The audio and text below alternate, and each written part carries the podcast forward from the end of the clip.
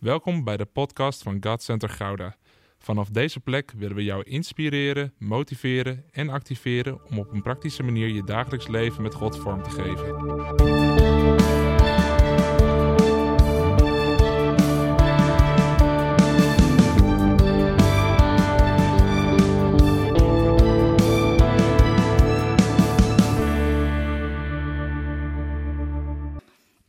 Voor degenen die mij niet kennen, ik ben uh, Talita. Uh, onze pastors Jeroen en Petra die zijn vandaag in Antwerpen.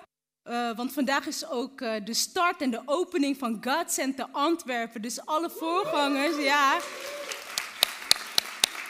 Alle voorgangers van alle God Center kerken, die zijn ook daar naartoe om, het, ja, om de opening in te luiden. En ja, ik vind het een voorrecht om zo uh, met jullie uit het woord te lezen en uit het woord te mogen delen. Ik geloof dat het, uh, het een mooie boodschap is. Um, maar zoals Geert al zei, Geert die refereerde terug op het vasten. Want we zijn ook als gemeente zijn we aan het bidden en vasten. En ik vroeg me af van, uh, maakt niet uit hoe je vast, misschien ben je bezig met alleen geen koffie drinken of iets. Maar ik wil vragen, hoe gaat het? Hoe staat het ermee met het bidden en vasten? Gaat het? Ja? Het is best wel stil, inderdaad. Het betekent dat het een slecht teken is, dat het uh, niet goed. Ik, ik heb vanochtend mijn koffie gehad. Hij maakt het toch minder lekkerder dan ik dacht. Maar uh, uh, wie heeft zoiets van... Ik heb wel echt... Ik merk het verschil tussen deze week en vorige week. Vorige week had ik echt barstende hoofdpijn. Deze week ging het beter. Wie heeft ook zoiets van... hey, deze week kan ik het wel een beetje ja, wat beter aan? Ja, ik moet zeggen, de vorige week dacht ik bij mezelf van oké, ik heb echt hoofdpijn. En toen waren er momenten dat ik eigenlijk wilde stoppen. Deze week ging het beter. Maar ik had woensdag wel even een klaagmomentje. Terwijl eigenlijk was er weinig om te klagen, het was mooi weer, de zon scheen. En Dave belde me aan, het eind van de dag belde hij mij op, want ik werkte afgelopen woensdag in Gouda. En uh, hij vroeg, hey schat, uh, hoe was je dag? En ik zei, ja, eigenlijk was goed. was een drukke dag, maar het was leuk. De groepen kinderen waren leuk. Het werk ging lekker. Maar ik dacht, nu je het toch vraagt, grijp ik uh, dit moment eigenlijk aan om even te klagen. Want het is een aantal weken. Uh, ja, ik had een paar weken hadden wij, uh, mochten van vrienden mochten een auto lenen. Dus dan kon ik ook met de auto naar het werk gaan. En ja, deze week, en uitgerekend die woensdag, moest ik weer op de gaan. Heel veel weken. En ik zei tegen Dave van, uh, ja, het werk ging goed. Maar ik ben echt back af van het fietsen. Maar je moet je voorstellen, mijn fiets, ik weet niet of mijn fiets wel eens hebt gezien, maar dat is echt een typisch oude stationsfiets. Zo'n zwarte oma-fiets met de nodige roestplekken erop. En het fietst. Maar daarmee is ook echt het enige gezegd. Want ik raakte zo gefrustreerd, ook al scheen de zon scheen. Maar voorbij, voorbij mij, rasten al die middelbare scholieren, die racen mij voorbij. Moeders in bakfietsen vol met kinderen, die haalden mij in. En misschien wel het meest frustrerende, ik weet niet of je dat kent. Maar die oudere echtparen die op een elektrische fiets voor mijn gevoel gewoon 80 rijden terwijl ik aan het trappen was, aan het zweten en voor mijn gevoel geen meter vooruit kwam. Dankjewel, Harro. Harro de penningmeester, dus uh, misschien kan hij met Dave even praten. Want daar komt het. Ik zei dus tegen Dave, ja, het ging wel goed. Maar ik moet echt een nieuwe fiets hebben hoor, zei ik zo. Ik zeg, dit gaat niet. Jij bent lekker op je, met de auto.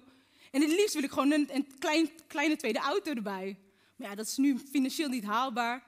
Zeg ik, op zijn minst een nieuwe fiets. Ik zeg gewoon eentje die gewoon beter rijdt met versnellingen. En uh, ja, zodat ik gewoon zonder inspanning van A naar B kan rijden. Het liefst ook een elektrische fiets. Maar oké, als dat niet haalbaar is, dan neem ik genoegen met een iets betere fiets. En ik besefte me ineens van, en heel stiekem betrapte ik mezelf erop, eigenlijk hoopte dat, hé, hey, Misschien als ik mijn fiets niet op slot zet. of als ineens per ongeluk ik door het glas rij. Of de ketting die valt eraf. Ja, dan moet die fiets gemaakt worden. Maar dat is toch wel zonde. Ik bedoel, die kosten voor de fietsenmaker ja, is een beetje onnodig. Kunnen we beter een nieuwe fiets kopen? Dus ik merkte dat die gedachten bij mij binnenslopen. En hoe herkenbaar is het niet voor de maatschappij waarin we leven? Dat wanneer iets kapot is, wanneer iets beschadigd is, wordt het zo vaak vervangen voor iets nieuws. In een consumerende maatschappij waarin we leven, waarin we worden geprikkeld om de nieuwste trends te volgen, als het gaat om fashion, als het gaat om de nieuwste kleding, de nieuwste schoenen. Ik hou zelfs de interieurtrends niet meer bij, want elk jaar is er wel weer een nieuwe kleur wat in de mode is. Niet eens elk jaar, maar gewoon elk seizoen.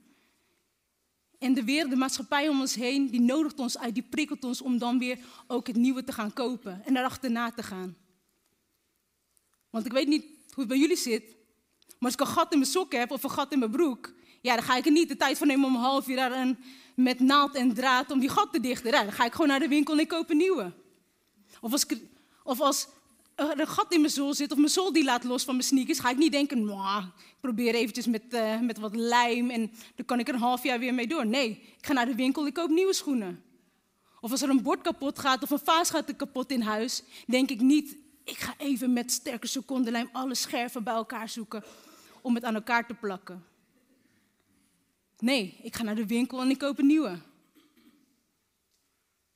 En hoe vaak is het niet zo, niet alleen maar met materiële zaken, maar ook in, met immateriële zaken in ons leven, dat wij zo makkelijk, ook in relaties, liever hebben dat we minder moeite ervoor doen, maar het liever vervangen. Dat wanneer het mooie, het spannende, het nieuwe er een beetje van af is, dat u iets hebt van nou, deze relatie kost wel te veel energie, het is te moeizaam, het wordt te moeilijk. Ik wil het liever vervangen voor het nieuwe. Want dat zien we toch om ons heen in de wereld zoveel gebeuren. Maar de cijfers liegen er niet om. Ook onder christenen. Ik bedoel, de cijfers zijn niet verschillend onder christenen en niet-christenen als we kijken naar het scheidingspercentage. En dat is zeker geen verwijt. Het heeft me juist laten zien dat ja, hoe weinig voorbeelden hebben we eigenlijk boven en om ons heen gehad. Dat we leren hoe we gezonde relaties en persoonlijke relaties kunnen aangaan. Want we leren het niet op school. En als we uit de situatie komen waar we het niet misschien thuis hebben geleerd, hoe leren we dan om een persoonlijke en gezonde relatie aan te gaan? En dan kom je in een evangelische Pinkstergemeente, kom je binnen en dan wordt er gezegd van, nou, God wil een God van dichtbij zijn. God wil een persoonlijke relatie met jou aangaan. En dat heb ik zelf gemerkt. En dan merk ik bij zoveel christenen om ons heen van, ja, hoe ga je die persoonlijke relatie dan aan? En dan kijken we in de wereld wat er nu gaande is. Tot de dag van vandaag. Dat in elke sector wordt er wel een beerput geopend waarin wordt gesproken over grensoverschrijdend gedrag. En waarin de wereld met elkaar discussieert. Ik lees wel eens die comments onder post. Dat mensen gaan discussiëren, ja, wie moet je dan educate? Wie moet je dan onderwijzen? Zijn het de jongens? Zijn het de meiden die je moet onderwijzen? Want dat zien ze als oplossing. Of dat er dan wordt gekeken van, ja, uh, grensoverschrijdend gedrag, dat lossen we op door middel van um, wederzijdse toestemming. Maar dan zie ik zoveel discussie ontstaan over wat is dan wederzijdse toestemming. Weet je wat ik geloof? Dat wij als christenen, wij hebben het antwoord. Wij hebben het antwoord op zoveel moeilijke levensvragen. Wij hebben het antwoord en God wil het in zijn woord, vanuit zijn woord met ons delen. En ik geloof echt dat wij als christenen vandaar het ook een voorbeeld mogen zijn in de wereld. Hey, dat wil zeggen, van daar, daaraan zal de wereld zien dat jullie mijn kinderen zijn. En de titel van de boodschap is Relatiestatus. Het is ingewikkeld. Want ik weet niet of je het weet, maar op Facebook kan je zo je relatiestatus kan je aanpassen. En soms schrik ik ervan. Van, er staat ook letterlijk een optie, open relatie met. En ik geloof dat de wereld, dat het antwoord is van de wereld om van, hé, hey, hoe kunnen we vreemd gaan tegengaan? Nou, dan hebben we toch een open relatie, dan weet je er in ieder geval vanaf. Maar in een maatschappij waarin het huwelijk niet meer heilig is, geloof ik echt dat God ook vandaag relaties wil gaan herstellen. En dat we daar een voorbeeld van mogen gaan nemen. En daar wil ik het vandaag met jullie over gaan hebben. Ik geloof echt dat God vandaag relaties wilt gaan herstellen. En dat wil ik gaan doen aan de hand van de relatie tussen Mozes en God. En daarvoor wil ik met jullie gaan lezen uit Exodus 33. vers 7 tot met 16. En voordat we dat gaan doen, wil ik even gewoon een kort eventjes een beeld schetsen van waar zijn we in de geschiedenis met Mozes. Want ik vond het mooi, ik had het niet, we wisten niet dat pastor Jeroen vorige week over Mozes zou gaan spreken. Maar wat mooi is dat dit ook, dat was het begin, de roeping van Mozes. En nu gaan, zijn we eigenlijk al een tijdje dat Mozes het volk uit de woestijn heeft geleid. En uit, tenminste nog niet uit de woestijn maar uit Egypte heeft geleid. En uh, het volk van Israël is bevrijd. Mozes is zijn roeping gaan wandelen. En dan vind je in de hoofdstukken die erop volgen, vind je heel veel dat Mozes in gesprek is met God en met God praat over de wetten, over de voorschriften en eigenlijk dat God aan Mozes doorgeeft hoe hij wil dat zijn volk leeft. En daarbij zie je heel veel thema's die aan bod komen, zoals eerbied, ontzag. Ten eerste voor God, maar ook voor elkaar. Hoe de mensen in gemeenschap met elkaar horen te leven. Maar dan gebeurt er een moment dat, op het moment dat het volk te lang moet gaan wachten en ongeduldig wordt. En dat is heel herkenbaar van wanneer wij als mensen, wanneer we geduldig worden en moeten lang wachten. Dan zie je dat het volk een afgodsbeeld gaat maken. Ze gaan een gouden kalf maken die ze aanbidden. En wanneer Mozes terugkomt van de berg, dan wordt hij boos. Hij gaat die twee, twee stenen tafelen, die gooit hij stuk. En dan is het mooi dat Mozes als bemiddelaar weer teruggaat naar God en met God het erover heeft van, ja, dat hij God eigenlijk probeert te behoeden om het volk ja, te doden. Maar dan is wel het gevolg van deze zonde, van wat het volk heeft gedaan, is dat God zegt van, ik ga niet meer met jullie verder trekken. God wil niet meer in de nabijheid van het volk zijn. En dat betekent dat alleen Mozes de enige is die toegang heeft tot God. En dat kan alleen maar door de tent, de tent die Mozes opzet buiten het kamp, ver buiten het kamp kunnen we zo lezen. Daar is de tent waar alleen Mozes kan komen. En dan mogen we met z'n allen gaan staan, dan gaan we lezen uit Exodus 33, vers 7 tot en met 16. En daar staat, Mozes sloeg steeds buiten het kamp, op ruime afstand ervan, een tent op, die hij de ontmoetingstent noemde. Ieder die de Heer wilde raadplegen, ging naar de ontmoetingstent buiten het kamp.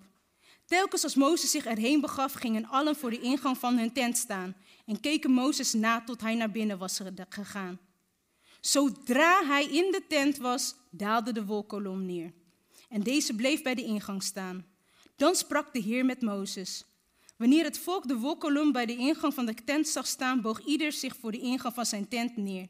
De Heer sprak persoonlijk met Mozes, zoals een mens met een ander mens spreekt. Daarna keerde Mozes terug naar het kamp, maar zijn jonge dienaar Jozua, de zoon van Nun, verliet de tent niet.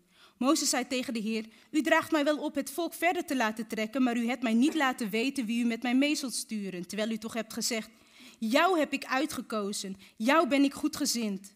Als het werkelijk zo is, laat mij dan weten wat uw plannen zijn. Dan leer ik u kennen en weet ik zeker dat u mij goedgezind bent. Vergeet toch niet dat deze mensen uw volk zijn. De Heer antwoordde: Moet ik dan zelf meegaan om je gerust te stellen? Mozes zei: Als u niet zelf meegaat, laat ons dan niet verder trekken. Hoe zou moeten blijken dat u mij goedgezind bent, mij en ook uw volk, tenzij u met ons meegaat? Alleen dan nemen wij immers een bijzondere plaats in onder de volken die de aarde bewonen. De Heer zei tegen Mozes: Ik verzeker je dat ik zal doen wat je vraagt, want ik ben je goedgezind en ik heb je uitgekozen. U mag gaan zitten. We zien dus dat de tent van ontmoeting, waar Mozes is en God ontmoet, dat dat eigenlijk symbool staat voor de aanwezigheid van God. En wat we kunnen lezen uit deze paar versen vind ik zo mooi. Het zijn maar een paar versen in de Bijbel. Maar ik geloof dat hier drie belangrijke kenmerken dat we hier terugvinden voor een gezonde persoonlijke relatie. Ten eerste met God, maar ik geloof ook dat dat ook zo bedoeld is hoe wij met elkaar mogen omgaan. Het eerste wat ik kan zien is dat God met Mozes spreekt van hart tot hart. Want we zien in vers 11 zien we dat de Heer sprak met Mozes en in de herziende statenvertaling staat er zoals met een vriend. Toen bedacht ik, oké, dat is wel een hele abstracte beschrijving, want wat is dan spreken zoals met een vriend? Want als je eigenlijk geen relatie, niet gewend bent om relaties te onderhouden, dan is het ook heel moeilijk om vriendschappen te onderhouden. En hoe ziet het er dan precies uit?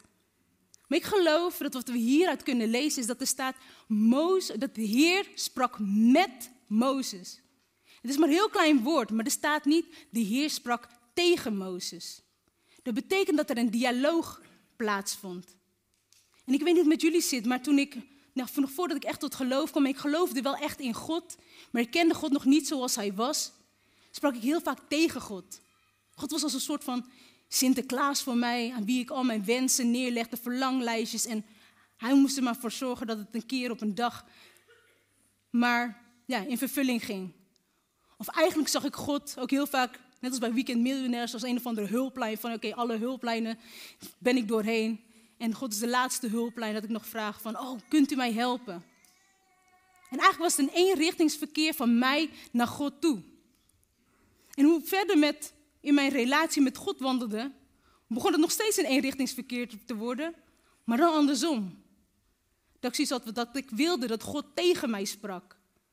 Dat mijn gebeden die begonnen, wel in de morgen, iedere morgen zocht ik God op, maar dan was het, God leid mij deze dag. Wat wilt u dat ik ga doen vandaag? Wie zal ik bemoedigen deze morgen? Wat is de richting? Wat wilt u dat ik ga doen? Maar er staat, de Heer sprak met Mozes. En spreken met elkaar getuigt ervan dat je ook naar elkaar luistert. Het, het spreekt ervan dat je niet alleen maar spreekt om te reageren, maar ik heb ontdekt dat wanneer je echt luistert naar het hart van de ander, dan is het nader tot elkaar komen belangrijker dan reageren of jou gelijk halen. En ik geloof dat dit ook een hele belangrijke is, ook voor in het huwelijk, ook in relaties. Dat als mens zijn we vaak geneigd om te reageren vanuit emotie, om ons te verdedigen. Terwijl heel veel woorden, ik weet niet of je dat hebt gemerkt, heel veel woorden die iemand zegt, worden niet eens uitgesproken. Maar je leert dat alleen maar door elkaar echt te kennen en echt met elkaar in ontmoeting te zijn. En het lijkt best wel heel normaal dat je denkt van ja, ik bedoel het is niet zo moeilijk als je, een, als je vraagt aan mensen wat is een van de belangrijkste dingen in een relatie, dat is communicatie. Dat is heel makkelijk gezegd. Maar ik geloof dat als we kijken naar, vanuit de Bijbel gaat het dieper. Want als je kijkt naar communiceren, dan betekent dat de boodschap goed overkomt. De manier hoe je dingen zegt, wat je zegt, dat de boodschap goed overkomt bij de ander. Maar als we kijken naar, we spreken van hart tot hart, dan worden heel vaak woorden niet uitgesproken. Maar je leert elkaar kennen door tijd met elkaar door te brengen. Dat je weet, en heel veel vrouwen hebben, ik weet niet of vrouwen, dat we heel vaak zeggen vrouwen niet zozeer wat we voelen. Maar je leert elkaar pas echt kennen door met elkaar tijd door te nemen. En misschien klinkt het heel erg normaal, maar ik heb ontdekt, het is eigenlijk helemaal niet zo normaal. Want als we kijken naar de generaties die boven ons zitten, zijn het vaak generaties waarbij geleerd werd dat je luistert, dat vaak de man, de vader, meer het woord had en dat de rest maar te luisteren had. Maar ik geloof dat dit zo'n belangrijk, essentieel onderdeel is in een gezonde relatie tussen man en vrouw, maar ook tussen ouder en kind. Om te gaan leren te luisteren en met elkaar te praten.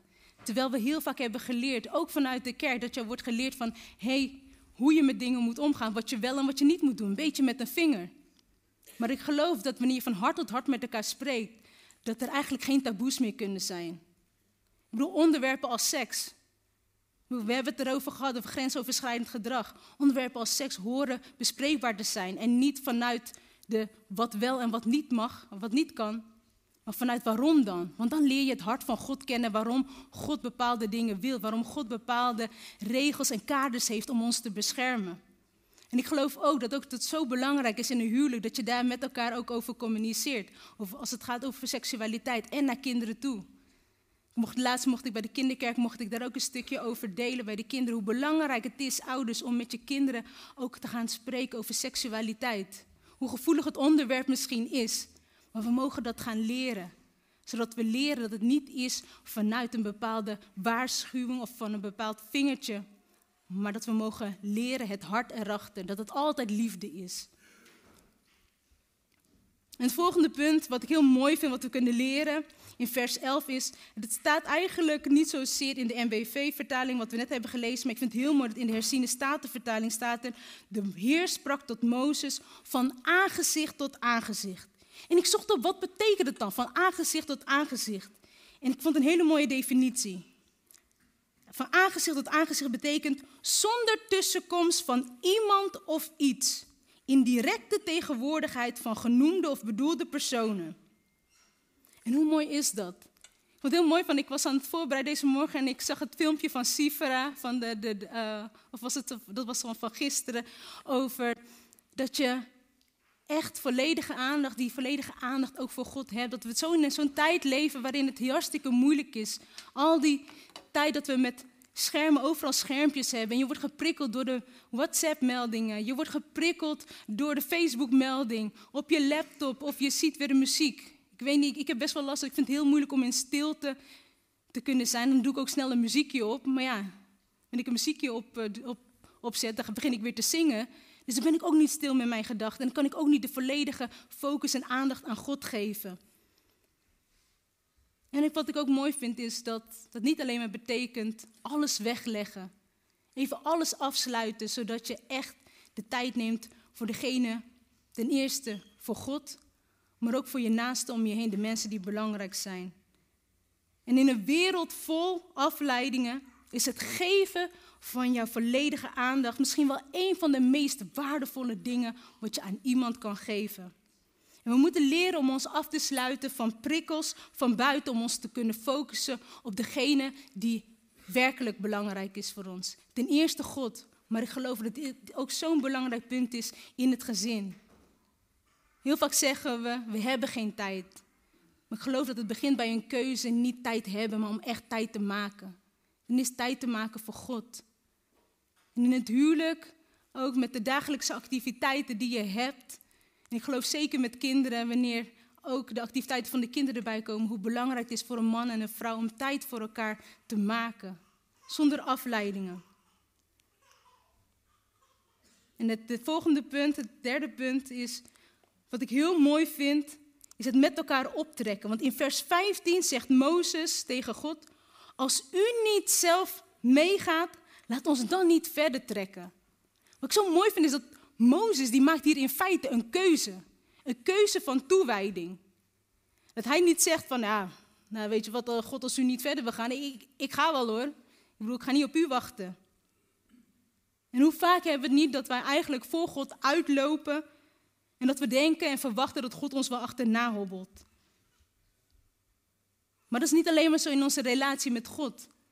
Hoe vaak hoor je niet om je heen dat mensen zeggen van de reden wanneer relaties stuk lopen, van ja, we zijn uit elkaar gegroeid of ja, het werkte niet meer, ik had, ik had andere dromen, ik wilde andere dingen, ik had andere verwachtingen van het leven. En als je de keuze maakt, en dat vind ik zo een van de principes die ik ook heel belangrijk vind, ook in het huwelijk, dat je niet voor de ander uitloopt, maar dat je wacht op de ander.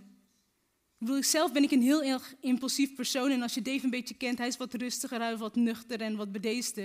En heel vaak heb ik zoiets van, oh, ik heb een of andere openbaring van God gehad. En denk, oh, ja, dit gaan we doen, kom, we gaan. Terwijl hij zelf soms niet eens een openbaring heeft gehad. En dat hij zegt, wacht maar eens rustig even. En hier vaak zie je het ook zo vaak op stukken lopen, dat mensen andere plannen hebben. En dat het eigen belang soms zo belangrijker is geworden dan het gemeenschappelijk belang. En dat mensen niet meer weten zich toe te wijden aan elkaar. Maar ik vind het zo mooi dat Mozes zegt, als u niet zelf meegaat, laat ons dan niet verder trekken. En ik weet niet of je de film kent, maar dat vind ik echt een van de mooiste christelijke films. Dat is uh, Fireproof.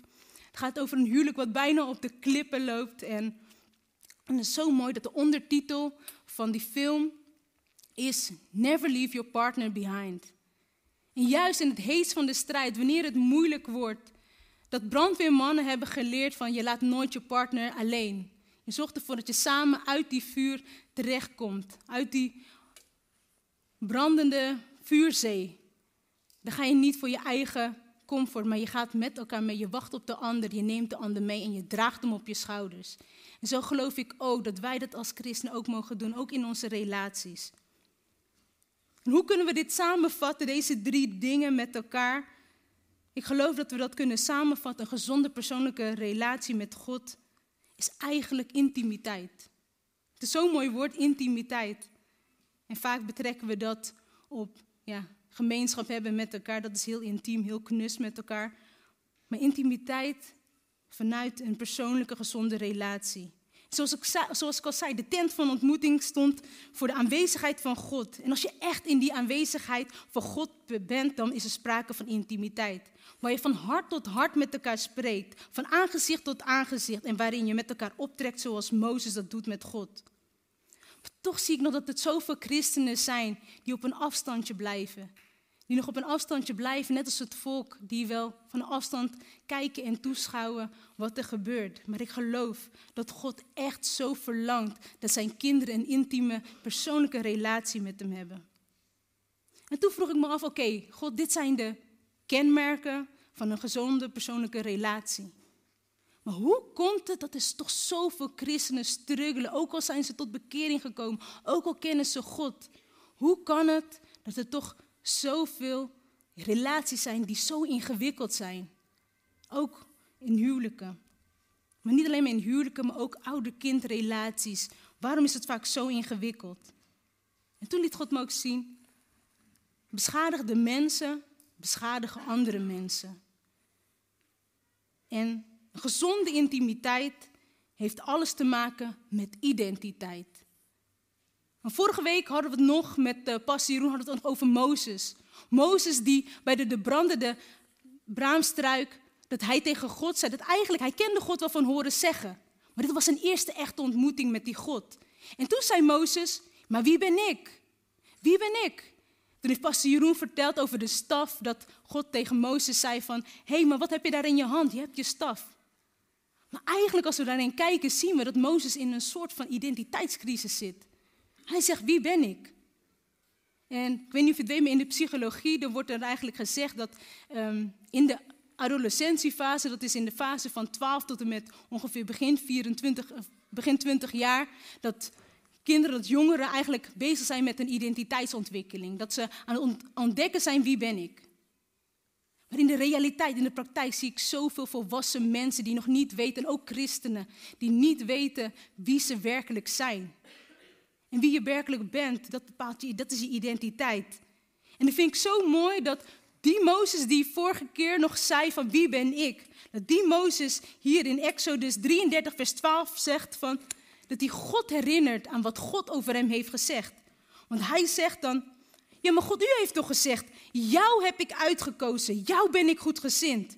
En in de herziene statenvertaling staat er, ik ken u bij uw naam, ik, u, hebt genade, ik, u hebt genade gevonden in mijn ogen. En het is zo mooi dat er een bekende tekst lijkt op een hele bekende tekst, die je misschien wel kent uit Jesaja 43 vers 1. Dat ook over jou zegt, wel nu dit zegt de Heer die jou schiep, Jacob die jou vormde, Israël. Wees niet bang, want ik zal je vrijkopen. Ik heb je bij je naam genoemd, geroepen. Je bent van mij.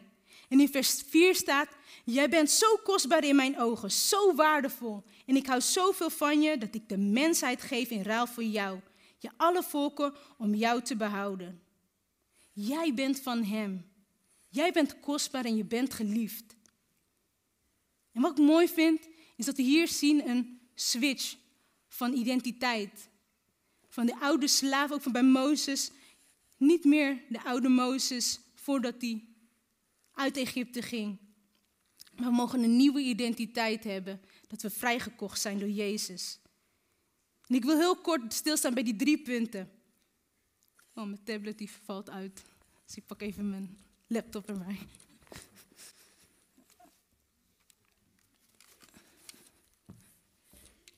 Eerste is, ik ben gekend.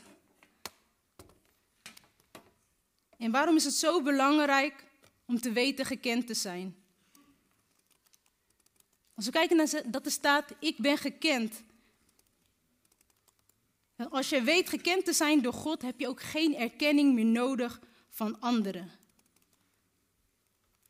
Even wacht hoor. Even één moment.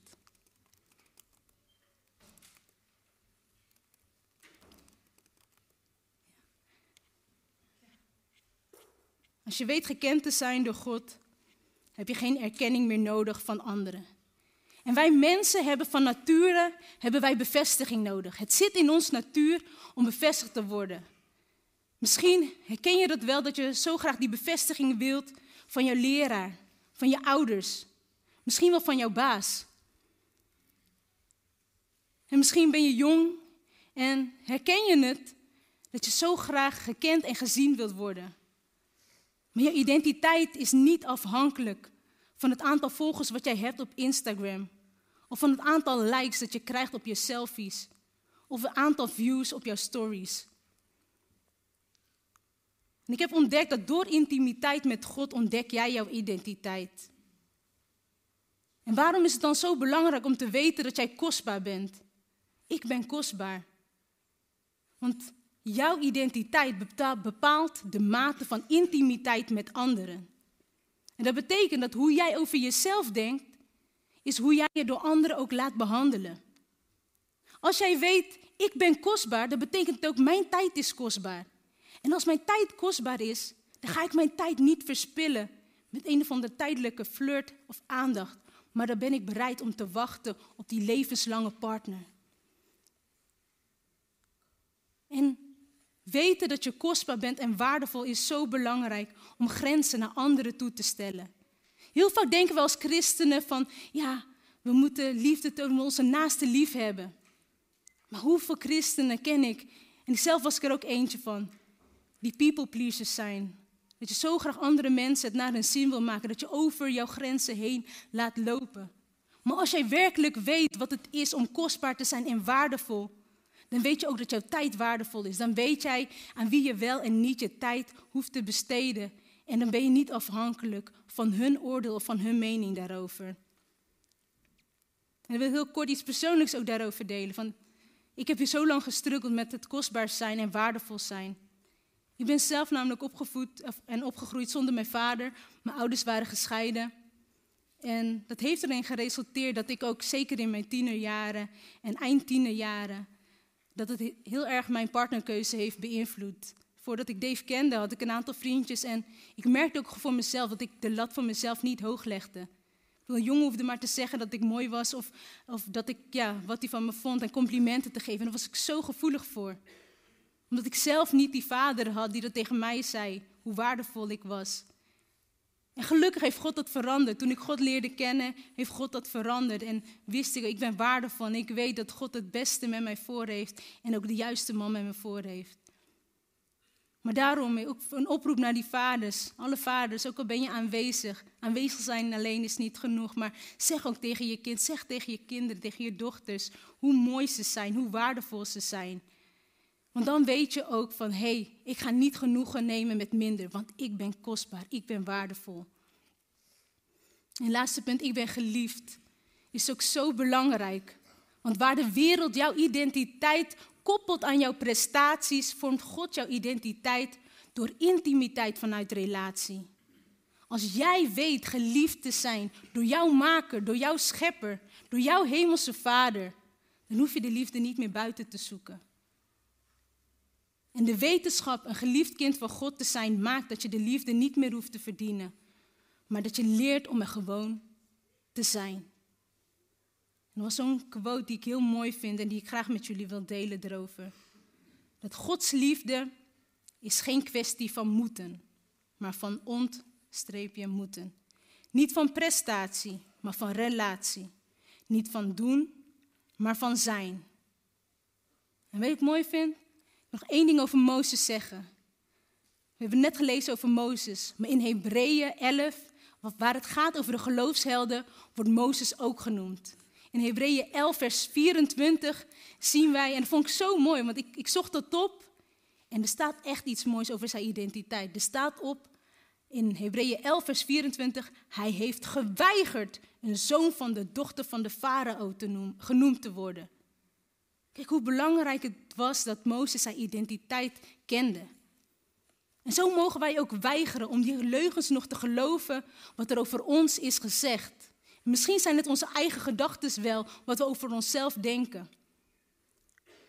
Misschien die leugens dat we een mislukkeling zijn. Dat we niet gewenst zijn. Dat we niet gewild zijn. Maar je mag zeggen, ik ben niet langer meer een slaaf, maar ik ben vrijgekocht door Jezus Christus en ik ben een geliefd kind van God. Jij bent niet langer het kind uit een gebroken gezin. Je bent niet langer meer dat zwarte schaap uit de familie. Jij bent niet langer meer die gescheiden ouder. Maar jij bent een geliefd kind van God. Jij bent gekend, kostbaar en geliefd. En misschien denk je wel, ja maar Talita, ik heb deze woorden al zo vaak gehoord, ik ken het. Ik ken dit al, ik weet dat ik gekend ben, ik weet dat ik geliefd ben. Ik weet dat ik kostbaar ben. En toch loop je heel vaak er tegenaan dat het toch in relaties, dat het wel eens spaak loopt. Dan wil ik je echt uitdagen, zoals ik al zei. Je identiteit wordt gevormd vanuit die intimiteit met God. En ik geloof echt dat wanneer die woorden nu alleen nog maar in je hoofd zitten en in je verstand zitten, maar je voelt het nog niet, dan wil ik je uitdagen. Zoek die intimiteit op met God, want dan geloof ik echt, en dat heb ik zelf ervaren. Dat die woorden die nu nog alleen nog maar in je verstand en in je hoofd zitten, dat vanuit die intimiteit, dat het zal neerdalen in je hart. Zodat je weet dat je weet dat je weet, ik ben gekend, ik ben geliefd, ik ben kostbaar. Misschien ben je hier en denk je bij jezelf, ik heb nog nooit gehoord over een persoonlijke relatie met God. Ik weet niet waar jij het over hebt. Ik bedoel, uh, ik geloof in God, ik weet dat Hij bestaat, ik heb respect voor Hem. Maar ik wist niet dat je daarvoor ook echt een keuze moest maken. En misschien is God voor jou altijd een God van ver weg geweest. Dan wil ik je echt uitnodigen deze morgen. Die God wil niet meer een God van ver weg zijn. We zijn niet meer net als het volk van Israël die ver weg hoeft toe te kijken dat Mozes de tent binnengaat. Maar wij mogen vrij tot, tot God gaan. Want zoals Mozes een bemiddelaar was voor het volk van Israël, hebben wij de grote bemiddelaar. En dat is Jezus, hebben wij. Die voor ons is voorgegaan. Voor ons aan het kruis is gegaan. En de prijs heeft betaald, zodat wij vrij tot God mogen gaan. Want Jezus zegt zelf, niemand komt tot de Vader dan door mij. En het enige wat je hoeft te doen is zijn offer aan te nemen. En met je hart te geloven en met je mond te beleiden dat Hij jouw Heer is. Misschien ben je hier en herken je jezelf wel van, hé, hey, ik snap het wel wat je zegt over die relatie, maar ik merk dat ik nog zo struggle met mijn identiteit. Misschien herken je jezelf dat jij degene bent die zo vaak nog over jouw grenzen heen laat gaan. Dat je zo graag de behoefte hebt om die bevestiging van, ja, misschien van anderen te krijgen. Misschien zelfs in de kerk. Misschien van de mensen om je heen in de kerk, van de voorganger, van wie dan ook. Of misschien ben jij degene die eigenlijk altijd over de grens van een ander is gegaan. Misschien omdat jij zelf beschadigd bent, omdat jij niet uit een gezonde, veilige omgeving, in een veilige omgeving bent opgegroeid. Dan geloof ik echt dat God deze morgen echt herstel wil gaan brengen. En dan wil ik ook voor jou gaan bidden. Laten we gaan staan met z'n allen. En misschien kan de worship uh, naar voren komen.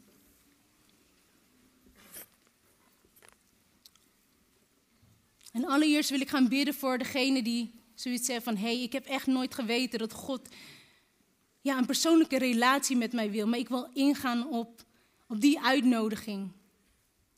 Dan wil ik je echt uitdagen aan gewoon, terwijl alle ogen gesloten zijn... om gewoon die keuze te maken. Als je die keuze maakt dat God niet meer een God van ver weg is... die via via wilt gaan praten door de voorganger heen... maar dat je mag weten, God wil persoonlijk tot jou spreken... En als jij dat bent, dan vraag ik je niet om je hand op te steken of naar voren te komen. Maar gewoon op de plek waar je bent, wil ik je gewoon vragen om je hand op je hart te leggen. En dan wil ik voor je gaan bidden. En dan wil ik vragen aan iedereen, aan, aan de rest van de gemeente, om gewoon mee te bidden, zodat we die mensen ook daarin steunen. Als jij dat bent, die wil ingaan op die uitnodiging van God, wil ik gewoon vragen je hand op je hart te leggen en met me mee te bidden. Laten we met z'n allen gaan bidden. Lieve Heer Jezus, dank u wel dat u voor mij bent gestorven.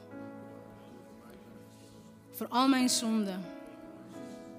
En dank u wel dat u voor mij bent opgestaan. Ik neem uw offer aan. Ik erken dat ik zondig ben en dat ik u nodig heb. En dank u wel dat vanaf vandaag mijn zonden vergeven zijn. En dat ik zo vrij tot God de Vader mag gaan. Lieve God, dank u wel dat ik uw kind mag zijn. Door uw Zoon Jezus Christus. Vandaag geef ik mijn hart aan u. En kies ik ervoor om voor u te leven. Dit is alles wat ik heb, mijn hart. En dat geef ik aan u.